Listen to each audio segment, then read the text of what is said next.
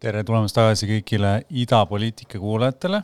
mina olen Mats Kuuskemaa, me oleme tagasi siin Ida stuudios, seekord Tallinnast, mitte Londonist. Mari on äh, minu kaassaatejuht, teeb äh, filme taaskord, et see on tema selle aasta väljakutse. Äh, ma arvan, et kes ei jälgi, kes jälgi, kes ei jälgi Eesti poliitikat hetkel, see teeb seda tahtlikult ilmselt. et, et, et see on nagu väga stressirohke vaatepilt, mis toimub Eesti poliitikas aga jah, viimane, viimane olukord, mina, mina jälgisin, oli see, et sotsid võtsid tagasi oma allkirja äh, siis ähm, lastetoetuse, lastetoetuste eelnõult ja see põhjus on see, et nad leiavad, et selle eelnõu eesmärk oli ikkagi valitsust lõhkuda ja praegu ei ole selleks kõige parem aeg. aga mis edasi saab, seda, seda näitab lihtsalt tulevik, et raske on ennustada ühtegi, ühtegi asja, sest äh, meie poliitika on kahjuks üllatusi täis ja, ja, ja mitte ainult positiivses mõttes aga kui te tahate kuulata sel nädalal ühte, ütleme, väga sisulist ja, ja põnevat, põnevat nii-öelda kirjutist, eh, siis ma soovitan minna Levilasse ja kuulata Aleksei Navalnõi kohtukõne kahekümne neljandal mail. ja see on tõlgitud eesti keelde ja Märt Avandi loeb seda. ja siis Navalnõi pöördub siis sisuliselt vang-, nii-öelda kohtuorganite poole kui Vene riigi esindajate poole ja siis esitab enda vaate sellest, mis Vene riigis toimub ja see on selline täiesti ajalooline kõne mõnes mõttes oma sisuga. ja, ja igatahes, et, et, et soovitan, kes, kes tunneb huvi, aga tulles tagasi meie sa tänase saate juurde, meil on täna väga põnev teema, milleks on Aafrika. Ja meil on ka põnev saatekülaline, kelleks on siis Karin Kaupla-Põõnin. Ja Karin on taustalt diplomaat, pikalt töötanud arengukoostöö humanitaarabi suunal. Ja kaks tuhat neliteist, kaks tuhat seitseteist töötas Euroopa Liidu, siis oli ta Euroopa Liidu diplomaat Aafrika Liidu juures, mille peakontor asub Addis Abebas, mis on siis Etioopias.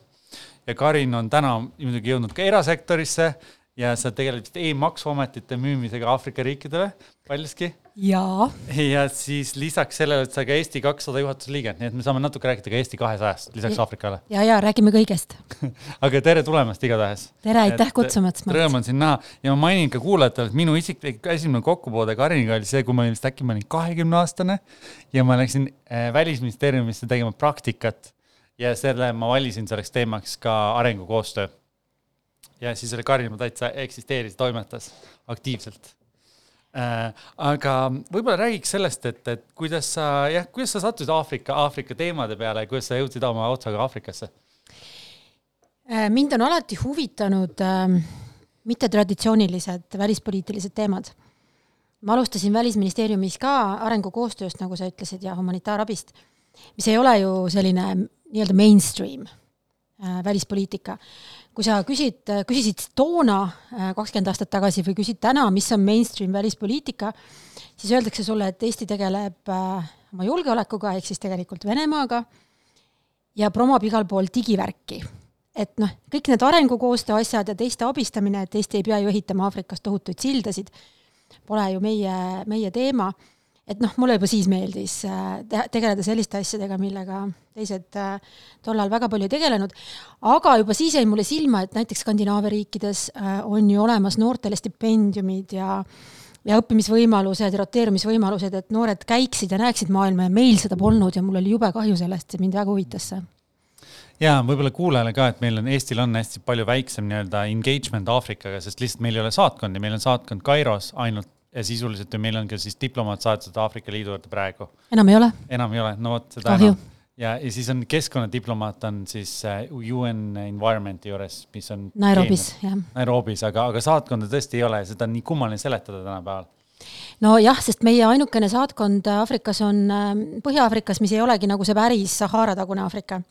et niinimetatud, vabandust väljendust, Mustas Aafrikas või Sahara aluses Aafrikas tegelikult meil ju saatkonda pole. jah, ja, ja seda huvi nagu võiks olla selles mõttes, et, et kuidas ma ütlen, et Aasia, Aasia suund on e Eestil, Eesti välispoliitikas ilusti välja töötatud. meil on Aasia strateegia, nüüd on ka Aafrika strateegia küll, aga Aasias on meil päris palju saatkondi, et kuidagi siin on nagu lihtsamini nad tekkinud. Ja pole lihtsam on sinna minna ja nii edasi, aga, aga jah, et meie välispoliitika on tõesti üles ehitatud, ma olen nõus, julgeolekule ja, ja siis Euroopa Liidu suhetele, ütleme nii. Euroopa Liit võib-olla on isegi rohkem selline siseasi juba tänapäevaks paljudes teemades. jah, aga seal nagu toimetamine on kuidagi normaalne, aga see, et Aafrikas võiks rohkem teha, et see, see on jah, mingile generatsioonile või lihtsalt on, on raske seda rääkida, et nad ei, ei jõua sinna. aga kas peaks, on ju, nad kohe küsivad su käest, aga mida on Eestil teha Aafrikas? et kas me üldse peaksime seal tegelikult olema? Ehm, no ma arvaks seda, et see majanduslik võimalus seal on hästi suur, mis on sama loogika kui Aasiaga, aga lihtsalt, et Aasias seal oleks võinud ka ju minna varem, oleks rohkem saanud tulemusi. Mina olen sinuga täiesti nõus, sellepärast et mina arvan, et riik on see, kes peabki turge looma ja, ja aitama ettevõtjaid äh, nii uksi avada kui äh, võib-olla äh, uusi, uusi turge leida. noh, riik ongi vahendaja, riik ei ole mingi müügimees ju ettevõtetele tegelikult on ju. riik, absoluutselt, ma olen nõus, aga riik, kui ta paneb oma nii-öelda märgi maha, siis sellest on hästi suur abi, eriti sellistes riikides, mis ei ole Euroopa võib-olla kultuuriga, et see nii-öelda staatus. jah, ja vaata Aafrika kohta mina ütlen alati niimoodi, et see Julgeolekunõukogu kampaania oli väga hea näide Äh, me tegime siis Julgeolekunõukogu kampaaniat kaks tuhat üheksateist kuni kakskümmend ja noh, enne seda ka. Ja president Kaljulaidi eestvedamisel käidi hästi palju Aafrikas. ja kui mina vaatasin Aafrikas ringi, ma ju töötasin seal mõnda aega, siis äh, see, kelle vastu me oma julgeolekut tahame kindlustada, ehk siis äh, Venemaa on igal pool ju kohal Äh, nemad suhtlevad kõigi kohalike diplomaatidega, nemad on kõigile teada, muidugi nad on ka suur riik ja tuumariik ja nii edasi. aga kui me poleks seda president Kaljulaidi turneesid seal Aafrikas teinud ja, ja madalamate diplomaatide turneesid, siis ei teataks meist vist üldse midagi, sest et Addis Abebas olin mina mõnda aega ainukene eestlane ja kõik arvasid, et mina olengi saatkond, noh, ma tegelikult ju ei olnud Eesti saatkond, ma olin Euroopa Liidu delegatsioon aga ilmselt võimekas inimene siis. tuleb võtta komplimendina. aga võib-olla natuke ma küsiks ka selle kohta, et sa alustasid on arengukoostöö humanitaarabiga, et see valdkond on ka hästi palju arenenud ja natuke jõudnud Aafrikani, et kuidas see, kuidas sa seda teekonda pealt vaatad tagantjärele? Äh, kahju, et ta nii hilja jõudis, aga väga tore, et ta lõpuks jõudis, et Välisministeeriumis võeti vastu Aafrika strateegia, mis on muidugi ainult paber, et noh, see vajab mm. veel sisuga täitmist aga meil on hästi tublid arengukoostöö ja humanitaarabi diplomaadid ja päris hea juhtimine on seal praegu. ja ega see pole kerge võidelda äh, nii-öelda julgeoleku äh, huvide vastu, sest millegipärast on Aafrikasse minek pöördunud väikeseks selliseks omavahel võitluseks. et kas me peaksime Aafrikas olema ainult ähm, vägedega nii-öelda rahukaitse kontingendiga, mis on siis Kaitseministeeriumi haldusala, ja natukene sellega tegeleb ka Välisministeerium, või me peaksime seal olema rohkem majandusinimeste pärast või arengukoostööprojektide pärast, et igaüks arvab, et omad asjad on olulised. Aga mina arvan, et viimasel ajal on tegelikult päris hästi teinud see arengukoostöö suund. ja ma arvan seda sellepärast, mitte võib-olla niivõrd, kui paljudeni jõutakse, sest meie projektid on ju pisikesed ja meie raha on ju pisikene me oleme nüüd küll võtnud viimasel ajal Euroopa Liitu appi enda asju võimendama, mis on hästi vahva.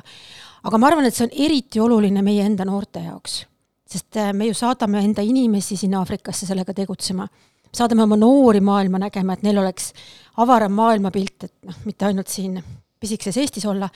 ja me teeme seda ju ka oma ettevõtete pärast ja võib-olla kakskümmend aastat tagasi oli seda tabu öelda, et arengukoostööd tehakse ka enda ettevõtete pärast. mina arvan, et see on väga okei okay sellepärast et äh, need, kes seda asja kohale viivad, seda kas abi või siis näiteks minu valdkonnas siis äh, e-riigi teenuseid kohale viivad, peavad olema oma ala eksperdid. Ja kui me ehitame, noh, minu valdkonnas näiteks siis e-maksuameteid üle, üle maailma või siis mõnedes Aafrika riikides, siis on ju loogiline, et seda viivad kohale need, äh, kes seda teemat jagavad ja me ei taha ju anda seda, ma ei tea, vabandust väljendust, sakslastele või prantslastele teha, me teeme ikkagi ise seda. ja ma arvan, et see oluline on see, et see abi jõuaks kohale võimalikult suures äh, osas sellest abirahast, sest kui sa vaatad suuri organisatsioone või suuri äh, abiühinguid, siis hästi palju läheb ju kaduma selliste äh, halduskulude peale ja ei, selles mõttes see on ju selge, et need reeglid on ühesugused, kas seda teostab Eesti ettevõte või mõne muu Euroopa ettevõte, et see on selge, et Eestil on nii palju pakkuda selles äh, nii-öelda e-valitsemise valdkonnas ja ka tegelikult demokraatia ehitamise valdkonnas, sest me oleme ise seda ehitanud. aga teeme väikse pausi, siis lähme veel natuke sisulisemalt Aafrika riikidesse, mis seal toimumas on mm. -hmm.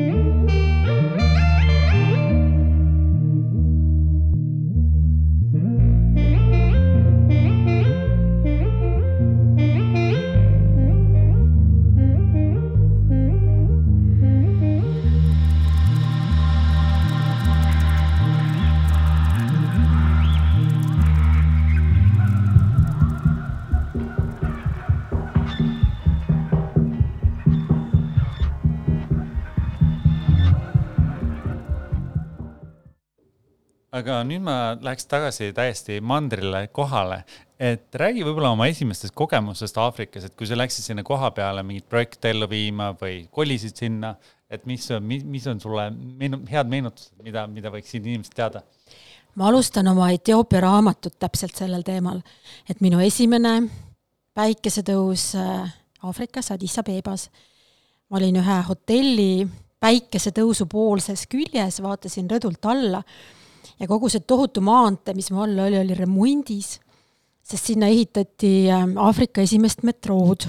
see metroo oli siis nagu üles tõstetud metroo, mis, kui ta lõpuks kolme aasta pärast valmis sai, osutus trammiks. aga kas see oli Hiina poolt ehitatud? jaa, see oli Hiina poolt ehitatud, nagu enamus äh, suuri infrastruktuuriprojekte, mida Aafrika ise ei jõua rahastada, või siis Maailmapank ei anna piisavalt vahendeid või muud doonorid, siis Hiina tuleb. Aga see Hiina abi on nii äh, valesti või mitmest, mitmeti mõistetud, et see pole ju tegelikult abi. ei, Hiina juurde me tuleme kindlasti tagasi, mälestused. räägi Aafrikast, et kuidas seal kohapeal on asju teha, töötada? ja tead, siis ma alustan oma raamatut sellest, et see on see päikesetõus ja see on see viimane päikesetõus, mis on selline helge ja tore mul Aafrikas ja siis oli neli aastat nagu päris Aafrikat. ja praegu ma mõtlen sellele tagasi, et tegelikult see oli väga tore ja helge aeg. Äh, mina elasin siis neli aastat äh, Etioopia pealinnas Addis Abebas, mis on äh, üks Aafrika vaesemaid riike ja üks Aafrika koledamaid linnu. ja vaatamata sellele mul on tohutult head mälestused sellest. ta on väga-väga vaene ja, ja väga selline konfliktide rikas, selles riigis elab kokku kaheksakümmend kolm erinevat rahvust, kui mitte rohkem, ja keelt. Mis on hästi huvitav selle juures, et see on üks riik, mis, mis põhimõtteliselt kunagi ei noh, koloniseeritud välja, et itaallased käisid seal korraks, on ju. ja täna ma just rääkisin ühe, ühe VC investori, kes leiab seda, et Etioopia on ikkagi pikas perspektiivis äge koht, kuhu investeerida, et seal tekib siseturg ja ikkagi see riik areneb ja nagu tõuseb, kuigi ta oli mingi hetk maailma kõige vaesem praktiliselt oma kodusõja ajal. Mina ütleks, et Etioopia on väga paljude asjade poolest rikkam kui nii mõnigi Euroopa riik, tal on äh, tohutult palju maavarasid, tal on äh, head haridussüsteemid kohati, tal on palju inimesi, tal on tohutult rikas kultuur, see on tegelikult maailma tsivilisatsiooni häll, mis aga on probleem Etioopias, on valitsemine. noh, see on ju tegelikult enamuses äh, halvasti juhitud riikides. Probleem ei ole mitte maavarades või inimestes, vaid ikkagi äh, valitsemiskultuuris ja haridustasemes, et noh, kõik algab ju haridusest. ja teine asi on see, et riik kui selline, kui selline struktuur on hästi nõrk ikkagi üldiselt, et ta ei jõua igale poole, ta ei halda seda kõike, ta ei suuda kõiki rolle täita korralikult just, ja, ja mis, mis on nagu väga suur vahe sellise halvasti juhitud riigi ja riigiaparaadi ja siis hästi juhitud riigi, riigiaparaadi vahel on nii naljakas, kui see ka pole, on tegelikult usaldus. ja see usaldus ju tekib äh, hästi juhitud struktuuridest ja usaldus tuleb välja teenida. Et äh, Etioopias mitte keegi ei tule isegi selle peale, et sa võid tagantjärgi mingi ülekandega midagi maksta. sellepärast, et mitte keegi ei usalda mitte kedagi et ainuke usaldusvõrgustik on siis see, kui sa oma naabritega kogud ühist rahapada ja siis, kui keegi sünnitab, siis sa annad talle sealt sünnitamisraha, et noh, selline usaldus on olemas, aga riigi vastu usaldust ei ole. ja, ja sellest on jube kahju ja see on see, mis meil Eestis on olemas. me ju hääletame interneti teel, eks ju. Teeme pangaülekandeid. Eesti e-riik täiesti püsib usaldusel loomulikult ja riik üleüldiselt. aga Etioopia kohta, eh, kui sa oled pealinnas Addis Abebas, niisugune getod, koledus, kõik on nagu, ajab närvi ja kõik möödub aeglaselt ja sa kujutad ette seda lauset, et äh, et sina ei muuda Aafrikat, Aafrika muudab sind ja siis sa tahad sellele vastu võidelda ja igal pool õiendada. ja siis sa lähed pealinnast Addis Abebast välja ja sa oled tohutult kauni looduse keskel. Ähm, Aafrika lumised mäed, Aafrika tsivilisatsiooni häll, mis on Lalibela kuningriik, mis on Aksumi kuningriik, kus praegu muideks toimub genotsiid, mis on Kondari kuningriik võimas ajalugu ja kui sa mõtled tagasi juba keskaega või natukene isegi enne seda, siis äh, üks neljast maailma suurest impeeriumist tegelikult oli Aksumi impeerium. aga kuna nad olid niivõrd suletud ühiskond ja kolonisaatorid nendele tegelikult ei jõudnud, välja arvatud üksikud portugallased ja hiljem itaallased, siis keegi ei teadnud neist midagi, aga see oli võimas, mis seal toimus aga, aga sinu töö just Aafrika Liidu juures, tegelesid natuke vist, kas inimõiguste, demokraatia ja kõikide institutsioonidega laiemalt, kas see oli ainult äh, Etioopia, kas sa kaitsid teisi riike, kuidas see õnnestus? tead, Aafrika Liit on nii äh, huvitav organisatsioon tal on suur-suur äh, maa-ala keset Addis Abebat, kus siis ei ole ähm,, ei ole autode heitgaase ja on ilusad toolid ja ilusad äh, majad ja hiinlased kuulavad kõike pealt muideks jätkuvalt. Ma korra hüppan, et kas see on tõsi, et Euroopa Liit ehitas, andis raha selle maja ehitamiseks ja siis hiinlased äh, ehitasid selle? Äh, ei, äh, hollandlased projekteerisid. Mm. -hmm seal on Hollandi arhitekti projekteeritud maja, hiinlased ehitasid ja, ja hiinlased panid sinna ka pealtkuulamisseadmed sisse ja seal on väga rahumeelne olla keset seda muud Addis Abeba kära. aga eh, Aafrika Liit on selline omapärane liit, et nad väga tahaksid olla liit. ja nad eh, püüavad paberil teha kõike õigesti, aga samas nad ei ole mitte midagi äh, Äh, Addis Abebasse delegeerinud oma pealinnadest, Aafrika Liidus on siis viiskümmend viis liiget. kõige viimane ühineja oli Maroko, sellepärast et äh, Maroko kunagi ammu oli, aga siis ta astus välja, kui Maroko kõige lõunapoolsem äh, osa, mida nimetatakse Lääne-Saharaks, astus siis eraldi riigina Aafrika Liidu liikmeks, siis Maroko solvus, astus välja. aga nüüd nad otsustasid, et oh, palju parem on Lääne-Sahara vastu võidelda organisatsioonis sees, astusid tagasi ja aga nad ei ole, ükski nendest liikmesriikidest ei ole midagi delegeerinud ära Addis Abebale niimoodi, nagu meie Euroopa Liidus oleme osad õigused ikkagi delegeerinud Brüsselile.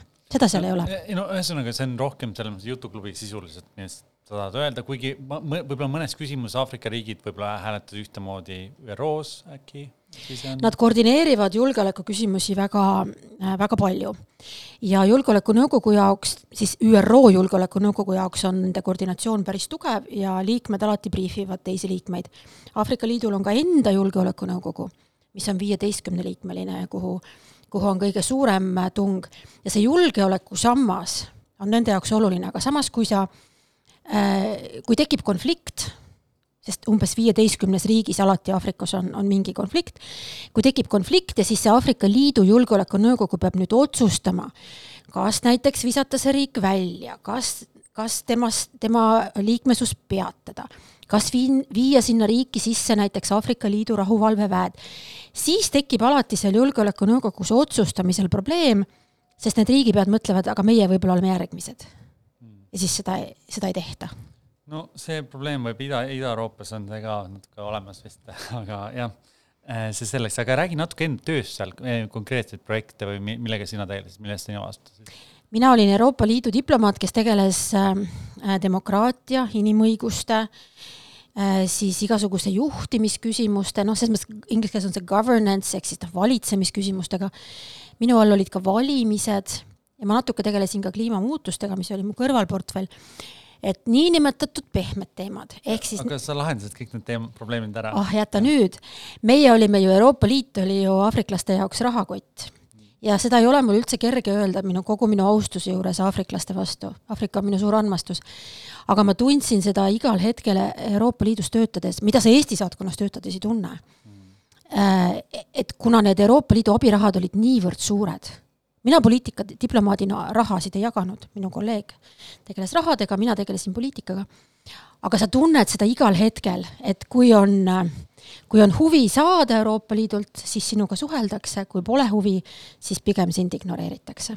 okei okay., aga kas see nii-öelda Euroopa või nii-öelda koloniaaltaaga või kas see on nagu, kas see mõjub ka selles mõttes inimeste mõtlemises, et ma ei tea, Hiinaga on võib-olla toredam suhelda, sest ei ole sellist nagu negatiivset tausta jätkuvalt või kuidas see suhtumine on Ameerikasse näiteks võib-olla Aafrika riikide seas? sellest on jube kahju, aga kahjuks on see tõsi. ja loomulikult ei tehta ju vahet Lääne-Euroopal, kes on endised kolonistid, ja Ida-Euroopal, kes seda ei ole. Su-, sõnades ehk tehakse, aga, aga suhtumises mitte äh,. Ameerika Ühendriigid ei ole niivõrd huvitatud ei Aafrika mandrist ega ka Aafrika Liidust, ehk siis nemad angažeeruvad -hmm.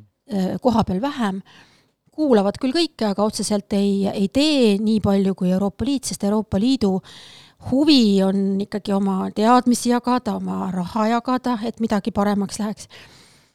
aga kui sa vaatad seda nüüd aafriklaste poole pealt, siis esimene asi, mida nad sulle tavaliselt ütlevad, kui sa oled Euroopa Liidu diplomaat, aga vaadake, teie tahate kogu aeg inimõigusi. Te annate küll raha, aga te nõuate midagi vastu. hiinlased tulevad, annavad raha, ei nõua midagi vastu, mis te arvate, kellega me koostööd teeme? Ja ükskõik kui palju sa neile ka seletad, et hiinlased ju tegelikult ei anna, vaid nad annavad sulle laenu, sa pead selle mingil hetkel tagasi maksma. hiinlased saadavad siia oma brigadiirid, võtavad tööle ainult hiinlased, eks ju, nad ei võta ju neid etiooplasi tööle koha pealt. ja, aga lihtsalt see, see mentaliteet on niivõrd tugev ja see, see taak on nii tugev, et teie ju nõuate inimõigusi.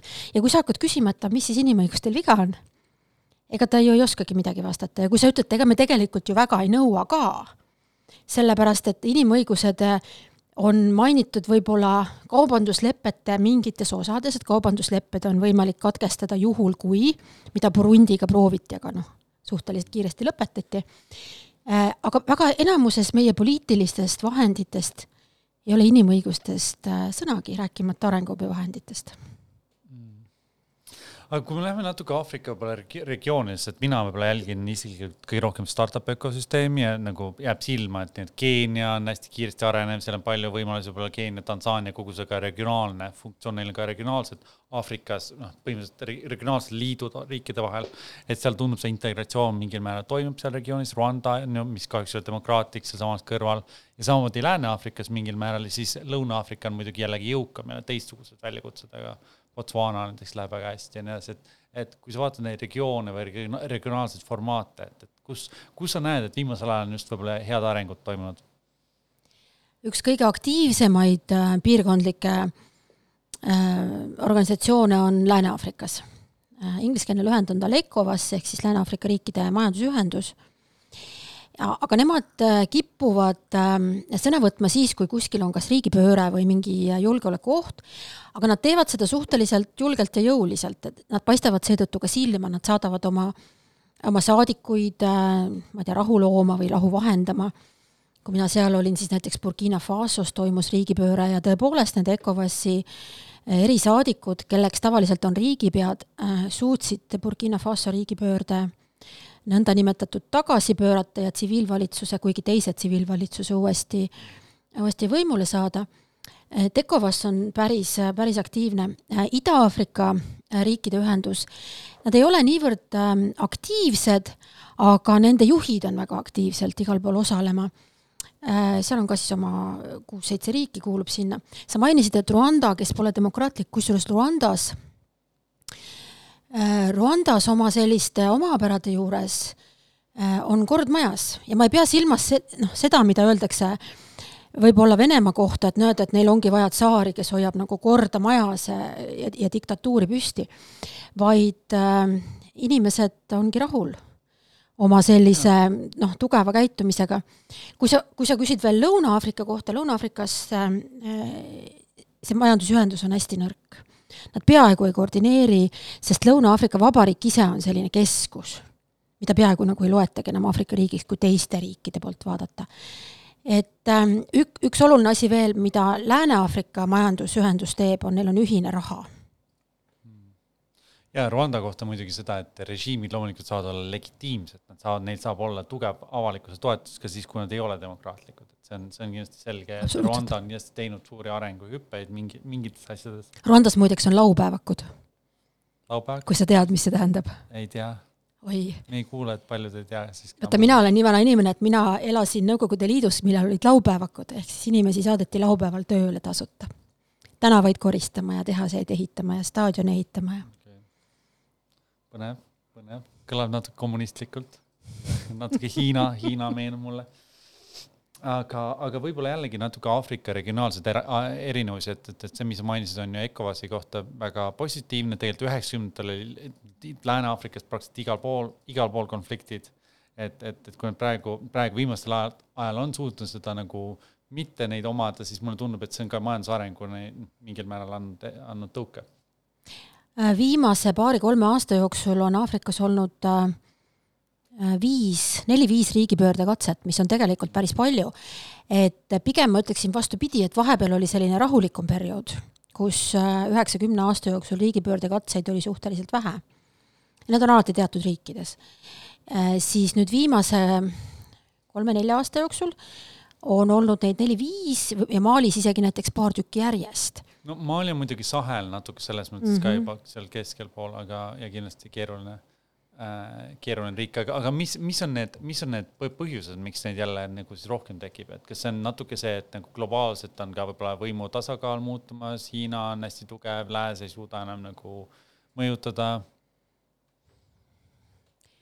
ähm,?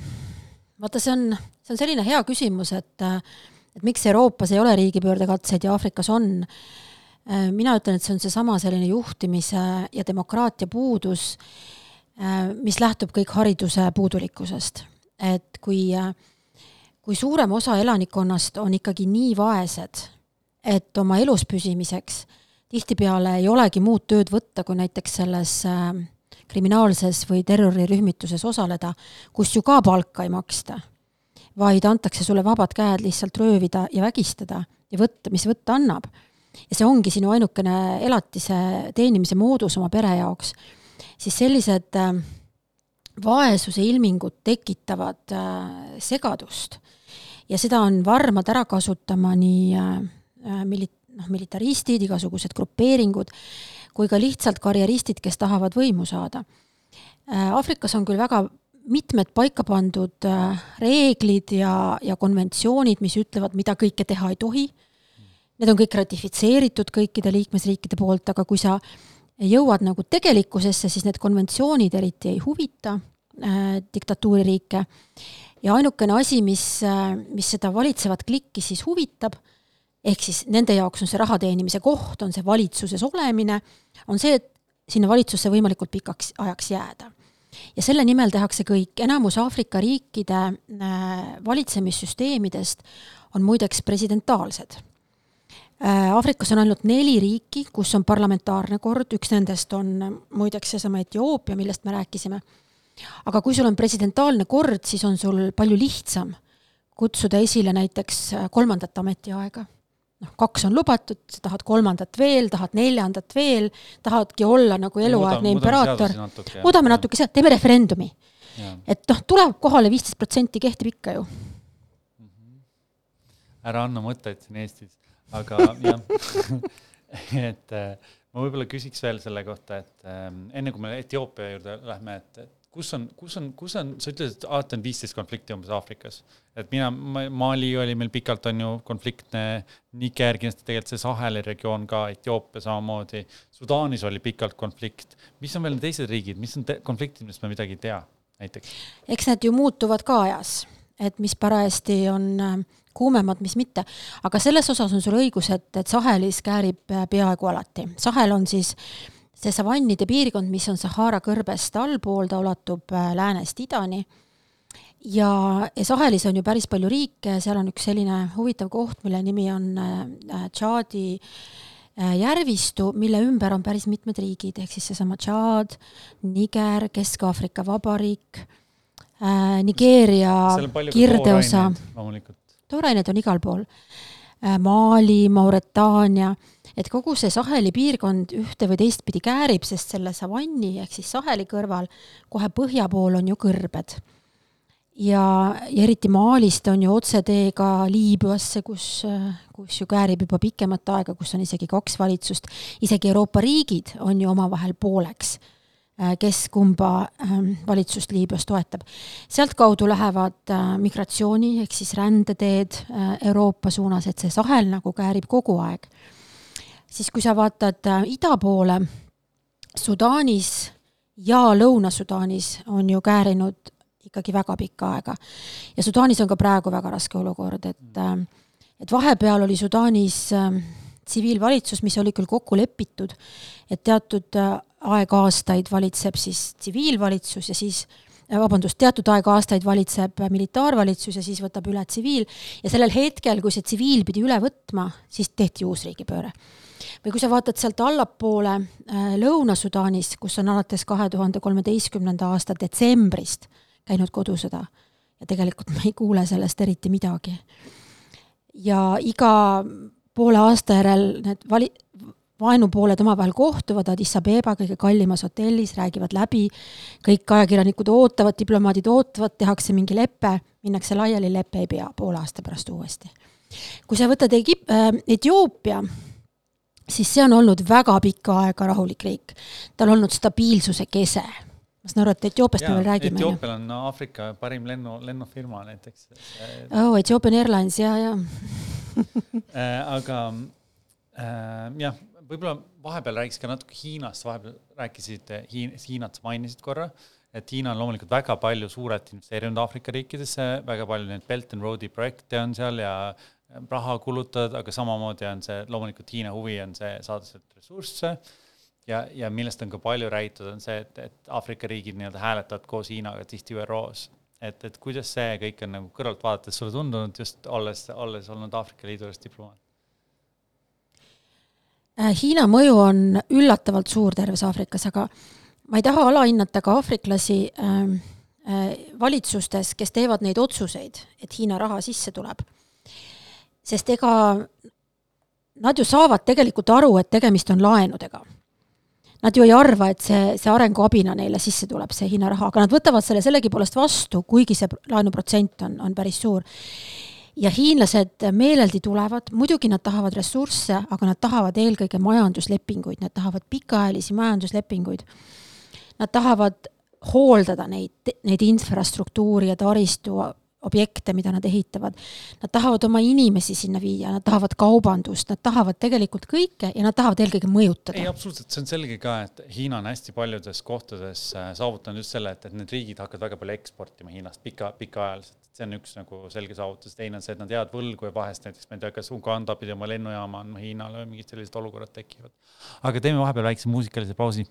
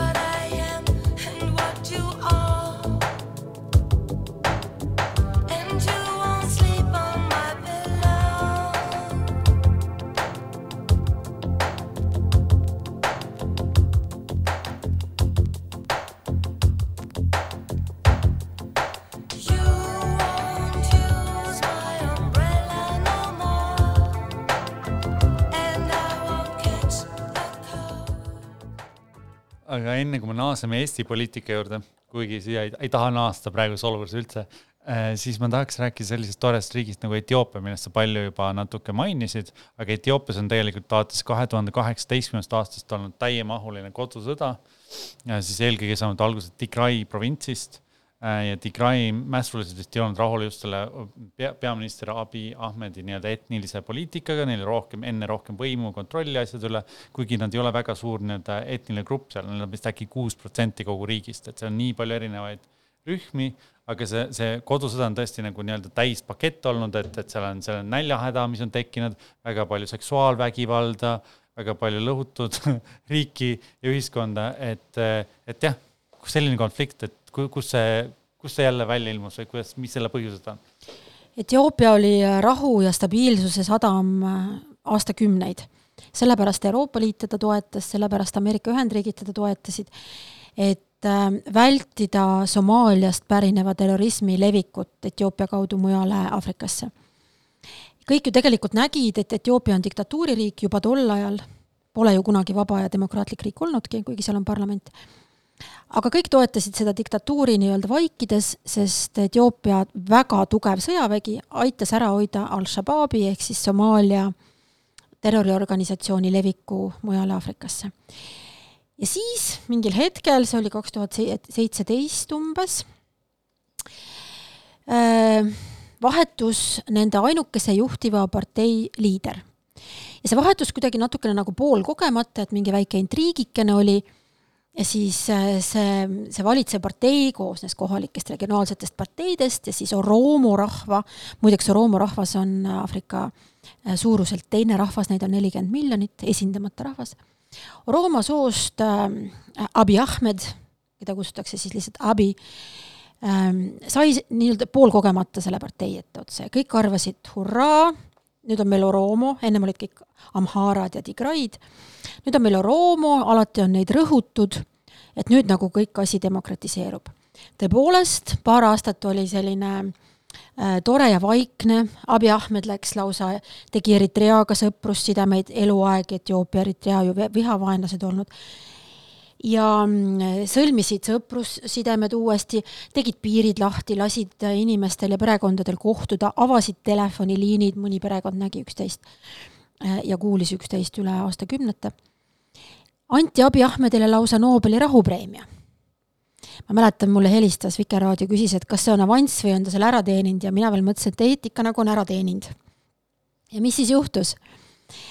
Abiy Ahmed ja ülejäänud äh, valitsevast parteist äh, trügisid võimult kõrvale täielikult Tigray rahvapartei ehk siis ühe selle osariigi, kes on väga, kes on eluaeg võimul olnud, see väike rahvakild on alati Etioopiat valitsenud, kaubandussidemete pärast nad on alati olnud rikkamad kui teised ja alati on nad osanud kokku hoida ja ka raha teenida.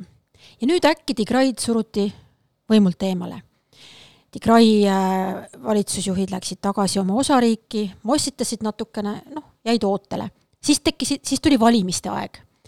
aga siis Abiy Ahmedil oli juba nii-öelda natukene võim pähe löönud ja ta lükkas valimised edasi.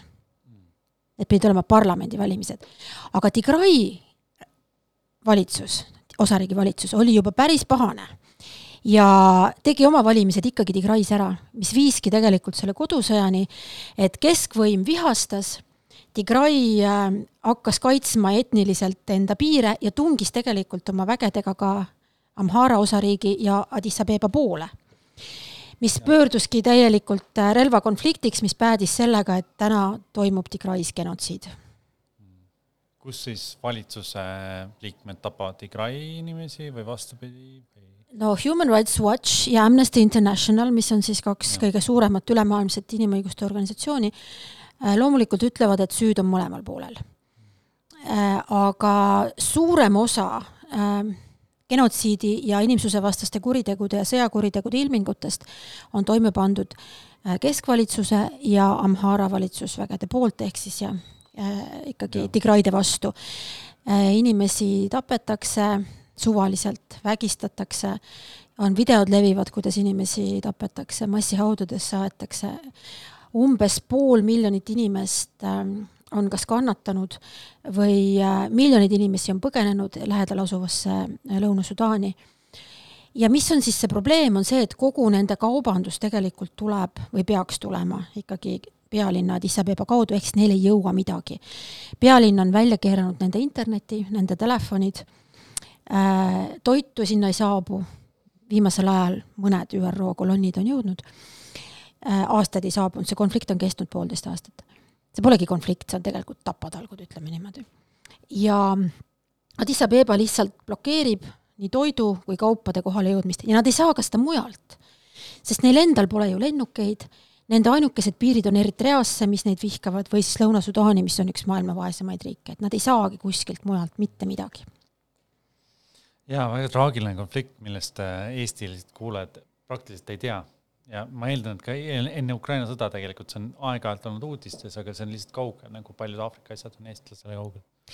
Äh, mina ikka imestan, et, ähm, et äh, maailmas on praegu umbes kolm genotsiidi või inimsusevastast kuritegu, äh, kuritegelikku sellist operatsiooni käimas, üks on siis Ukraina selgelt, üks on Tigray ja üks on siis Hiinas uiguurid, millest sina tõenäoliselt oluliselt rohkem tead ka rohingade vastu äh, on selliseid äh, kuritegusid toime pandud.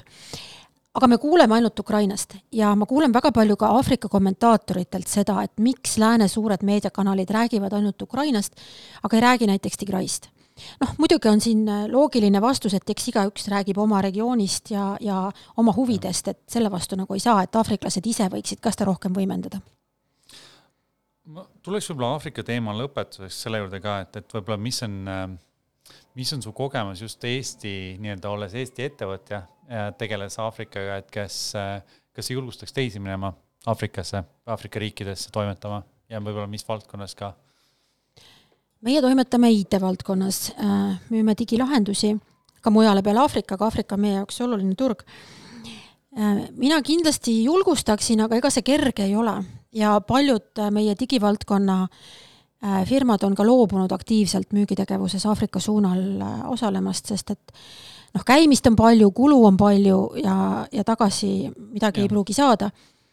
Äh, meie ikkagi nagu toimetame, meil on teatud müügitehinguid, meil on teatud, ähm, teatud projekte käimas, teatud tööd on töös, osaleme hangetes, ehk siis me teeme e-maksuameteid üle maailma ja meie kogemus siiani on olnud suhteliselt positiivne, ma ei ütle, et on kerge aga meil on tööl Aafrika taustaga müügiinimesed, kes, kes tunnevad seda mandrit päris hästi, kohalikega oskavad suhelda, tajuvad konteksti ja praegu me igal juhul toimetame et muidugi teisi eh, Eesti e-valitsemisettevõtteid loomulikult on ka, aga see on võib-olla väike valdkond kokkuvõttes, kui me näeme ka startup'e, Bolt on ju mingi hetk sai kas nelikümmend protsenti või pool oma käibest Aafrika riikidest, et sinna on ikkagi võimalik minna, muidugi mida suurem sa oled, seda kergem see vist on.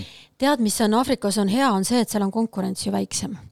et ähm, kas meil on mõtet minna oma toodetega äh, Kanadasse, Ameerika Ühendriikidesse, Saksamaale, UK-sse kus on küll korrastatud keskkond, aga tohutu konkurents, et seal läbi lüüa, see võtab ikkagi väga head toodet. või on mõttekam minna mingile sellisele turule, kus konkurents on väiksem, tulude marginaalid oluliselt suuremad, tõsi jah, ka kulud, mida sa sisse paned, on suuremad ja see energia, mida sa sisse paned, on suurem. et noh, see ongi selline kaalumise koht jah, aga kindlasti me näeme rohkem Eesti ettevõtteid, kes seal toimetavad, ma ise olen rohkem tegelenud Lõuna-Aafrikaga aga, ja loodetavasti näeme seal ka mõnda Eesti saatkonda, et seda Loodame. mina ootan, ootan pikisilmis seda päeva. või Nairobis või Addis Abebas jah, no Nairobi, ma arvan, oleks võib-olla rohkem Aafrika keskel, see on majandus, mina olen selle majandusliku vaatenurga inimene. mina ka muideks. seda, et, et see on hästi oluline. majanduslikum, mitte võib-olla Nairobi ja, ja aga igatahes, aga tuleme tagasi Eestisse, et sa oled üks Eesti kahesaja juhatuse liikmeid, et kuidas sa otsustasid minna poliitikasse, kas soovitad seda teistele ka ja, ja võib-olla ka Eesti kahesajast natuke, mis sa arvad sellest erakonnast? Inimesed, kes on äh, ühiskondlikult aktiivsed olnud, ei peaks seda tegema saunalaval või köögilaua taga, loomulikult nad võivad seda teha, aga ainukene moodus, kuidas üldse midagi ära teha riigis, on ju tegelikult osaleda poliitikas. sa ei, sa ei saa ju kuskil MTÜ-dest äh, samasuguseid muutusi esile kutsuda, kui sa saad parteis või erasektorist või valitsussektorist. et üldse ainukene moodus midagi muuta ongi minna poliitikasse, kui sa oled aktiivne ja kui sul on teatud ideed, mida sa tahad ära teha. minu ideed on enamasti majanduse vallas ja välispoliitika vallas ja nendel teemadel ma päris aktiivselt ka Eesti kahesajas tegelen. Äh, tõepoolest, ma, ma olen ka juhatuse liige ja Eesti kakssada on minu jaoks äärmiselt huvitav ähm, erakond, sellepärast et äh, meil on väga palju erinevaid liikmeid, väga paljudest erinevatest rahvustest, ma tegelen natuke ka liikmetega, ma olen ka Tallinna juhatuses ja ka Põhja-Tallinna koordinaator, kus me praegu sinuga istume Kalamajas. ja äh, kui sa nende inimestega tegeled, kes tulevad sellesse parteisse täiesti vabatahtlikult, meil on päris palju uusi liitujaid kogu aeg, ja sa küsid nende käest, noh, mina nagu küsin nende käest alati, et miks sa tuled, mis sind ajendab, ja enamus vastuseid ongi see, et nagu kõik on kokku jooksnud, ma tahan ise midagi ära teha. ja vot meie pakume neile seda võimalust okay, midagi ise ära teha. et, et see sisu on ikkagi see, et noh, et see on selles mõttes uus struktuur, kui inimesed saavad minna, seal ei ole ees Jürgen Ligisid ja muid, muid nagu raudvara on ju, kes kõik toimetavad ja arvavad kuule, kui sina läheksid, kui sina läheksid praegu Reformierakonda, kas sa arvad, et sa jõuaksid kuskile? ei no ma arvan, et mina ei jõuaks, kui ma läheks kusagile, aga ma ei taha minna poliitikasse. ja, jah, just eh, ma arvan, et osaliselt on, on see küll see, et sa saad midagi ära teha uutes struktuurides. ja meil on päris palju erinevaid töögruppe, me valmistume praegu kahe tuhande või noh, ka järgmise aasta valimisteks, siis kahe tuhande kahekümne kolmanda aasta valimisteks. ja me võtame tõenäoliselt noh, päris hea valimistulemuse ja me valmistame ette juba praegu mitte ainult valimisprogrammi, vaid ka valitsemisprogrammi. et meie jaoks ei ole mitte ainult oluline see, mida me lubame, vaid ka see, et kuidas me seda pärast ära aga, teeme. okei okay,, see on, aga mi, ikkagi selgita see vahe ära nagu ruttu inimestele, et, et, et sest et valimislubadused loomulikult on mingi list, et anname, ehitame siin haigla ja teeme nii edasi, aga mis sealt siis sinu meelest tavaliselt puudu on, mis teeb teie programmi paremaks? me teemegi kaks erinevat programmi Äh, valimisprogramm valmib meil hiljem, siis kui valitsemisprogramm juba valmis on, näiteks noh, mina kirjutan valitsemisprogrammi seda osa, mis puudutab äh, digi, äh, digiriiki, digimajandust, selliseid asju, koos digitöögrupiga, meil on homme muideks kohtumine. ja seal me loetleme päris täpselt ära, et mitte ainult seda, mis on probleem ja mis peaks olema eesmärgid, vaid ka seda, et mida äh, Äh, millised lahendusteed välja pakkuda, millistes valdkondades ja kuidas seda okay, teha. ühesõnaga a la muudame seal seaduses seda aspekti, selle asemel, et tegeleme selle teemaga. Äh, seal seaduses seda aspekti on ka kuskil lõpus üks äh, okay., üks mingi väike lõik, aga pigem näiteks see, et ähm, meil on Eestisse vaja digiraha. noh, mis sa arvad, kas on? kas teiste, teistes erakondades on selles mõtet, sa küsid? ei tea, mina ei tea, kas teistes no, erakondades on. ma tean seda, et kakssada tuhat eurot peab olema see algkapital ei, ma, ma räägin hoopis millestki muust, ma räägin sellest, et, et kui me sinuga pangakaardiga midagi maksame, siis me tegelikult nuumame ju Rootsi pankasid või LHV-d, eks aga digiraha võiks olla oluliselt lihtsam, et sul on Apple äh,, Apple'i telefon ja mul on Apple'i telefon.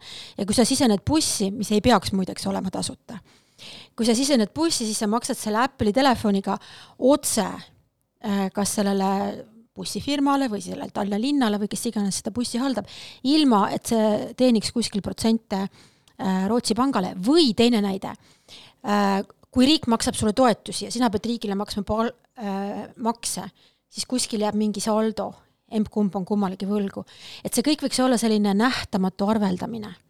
ja see on, see on näiteks üks meie, meie digiprogrammi eesmärke, et kõigepealt öelda, miks seda vaja on ja siis öelda, kuidas seda teha ja siis millal seda teha. aga muidugi siis me võime nummata Apple Pay'd, aga see mõte igatahes on väga me võiks oma, meil võiks ja, oma olla asi olla, on ju, jah. sellega ma olen nõus äh,. Aga räägi, räägi sellest, et äh, meil on olnud Reformierakond ja sotsid tegelikult liberaalid, liberaalsed valijad on ju, meil on ka rohelised, mis kahjuks ei ole saanud äh, parlamenti väga pikka aega, et tegelikult liberaalil, kes tahab valida mingit erakonda, mis saab parlamenti, meil on kaks valikut olnud kogu aeg.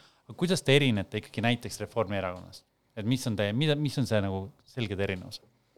meil on selged erinevused nii sotsidest kui rohelistest kui, kui Reformierakonnast. ja ma ütlen sulle ühe asja, äh, meie majanduspoliitika on, äh, põhineb hoopis teistel alustel kui sotsidel või Reformil, sa küsisid kõigepealt Reformi kohta.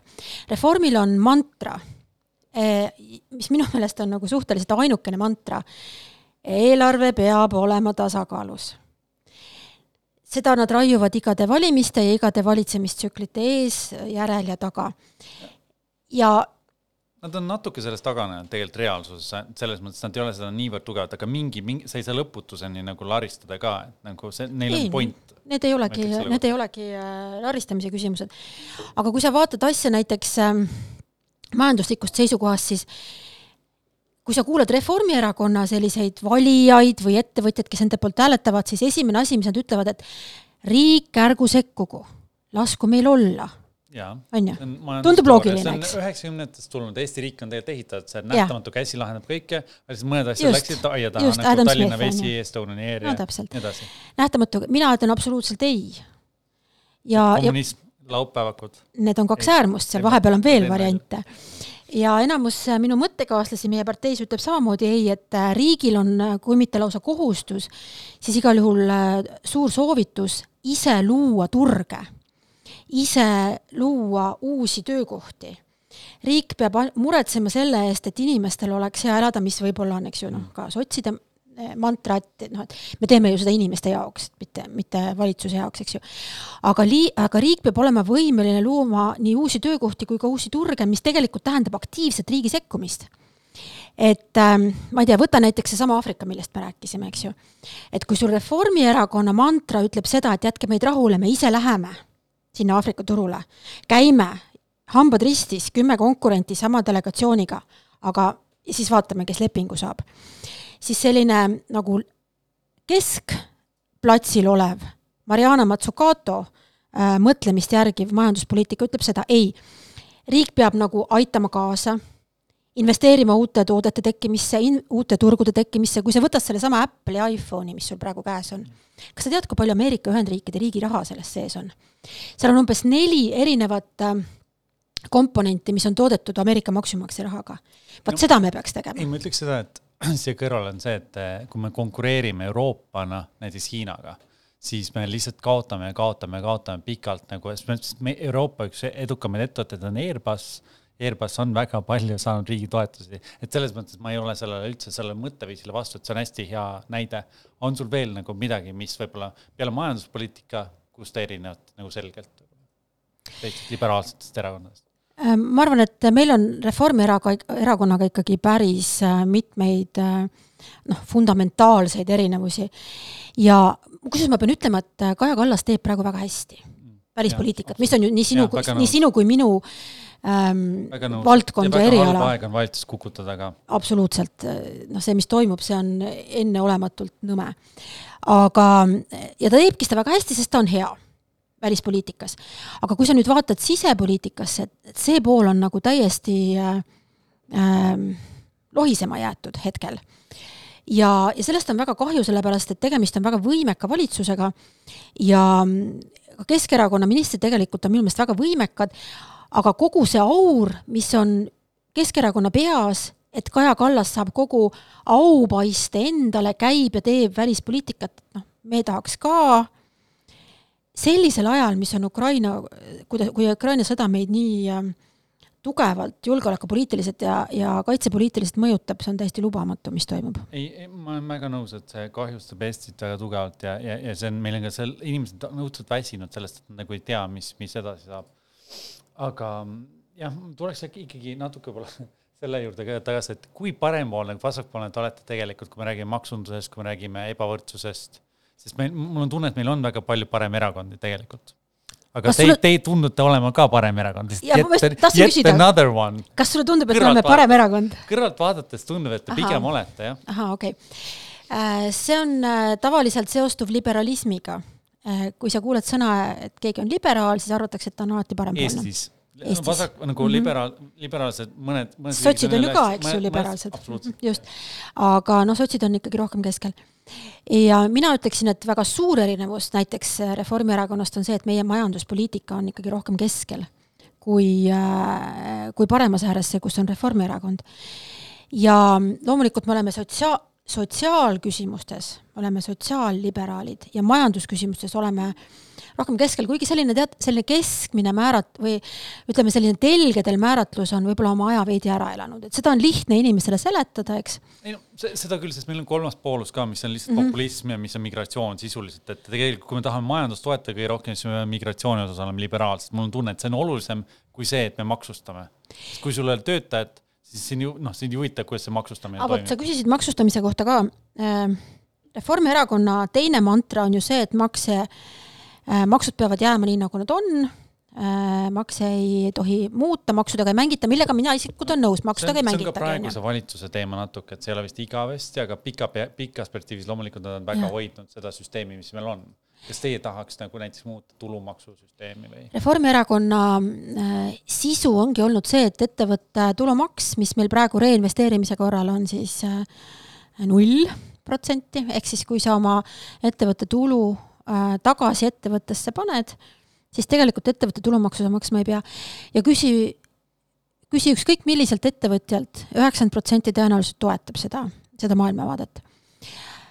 Meie toetajate hulgas on päris palju selliseid ettevõtjaid, kes on juba äh, ütleme nii, oma esimese miljoni teeninud. Äh,, on päris solidaarsed äh, inim-, inimeste ja miks mitte ka inimkonnaga ja tahavad midagi tagasi anda.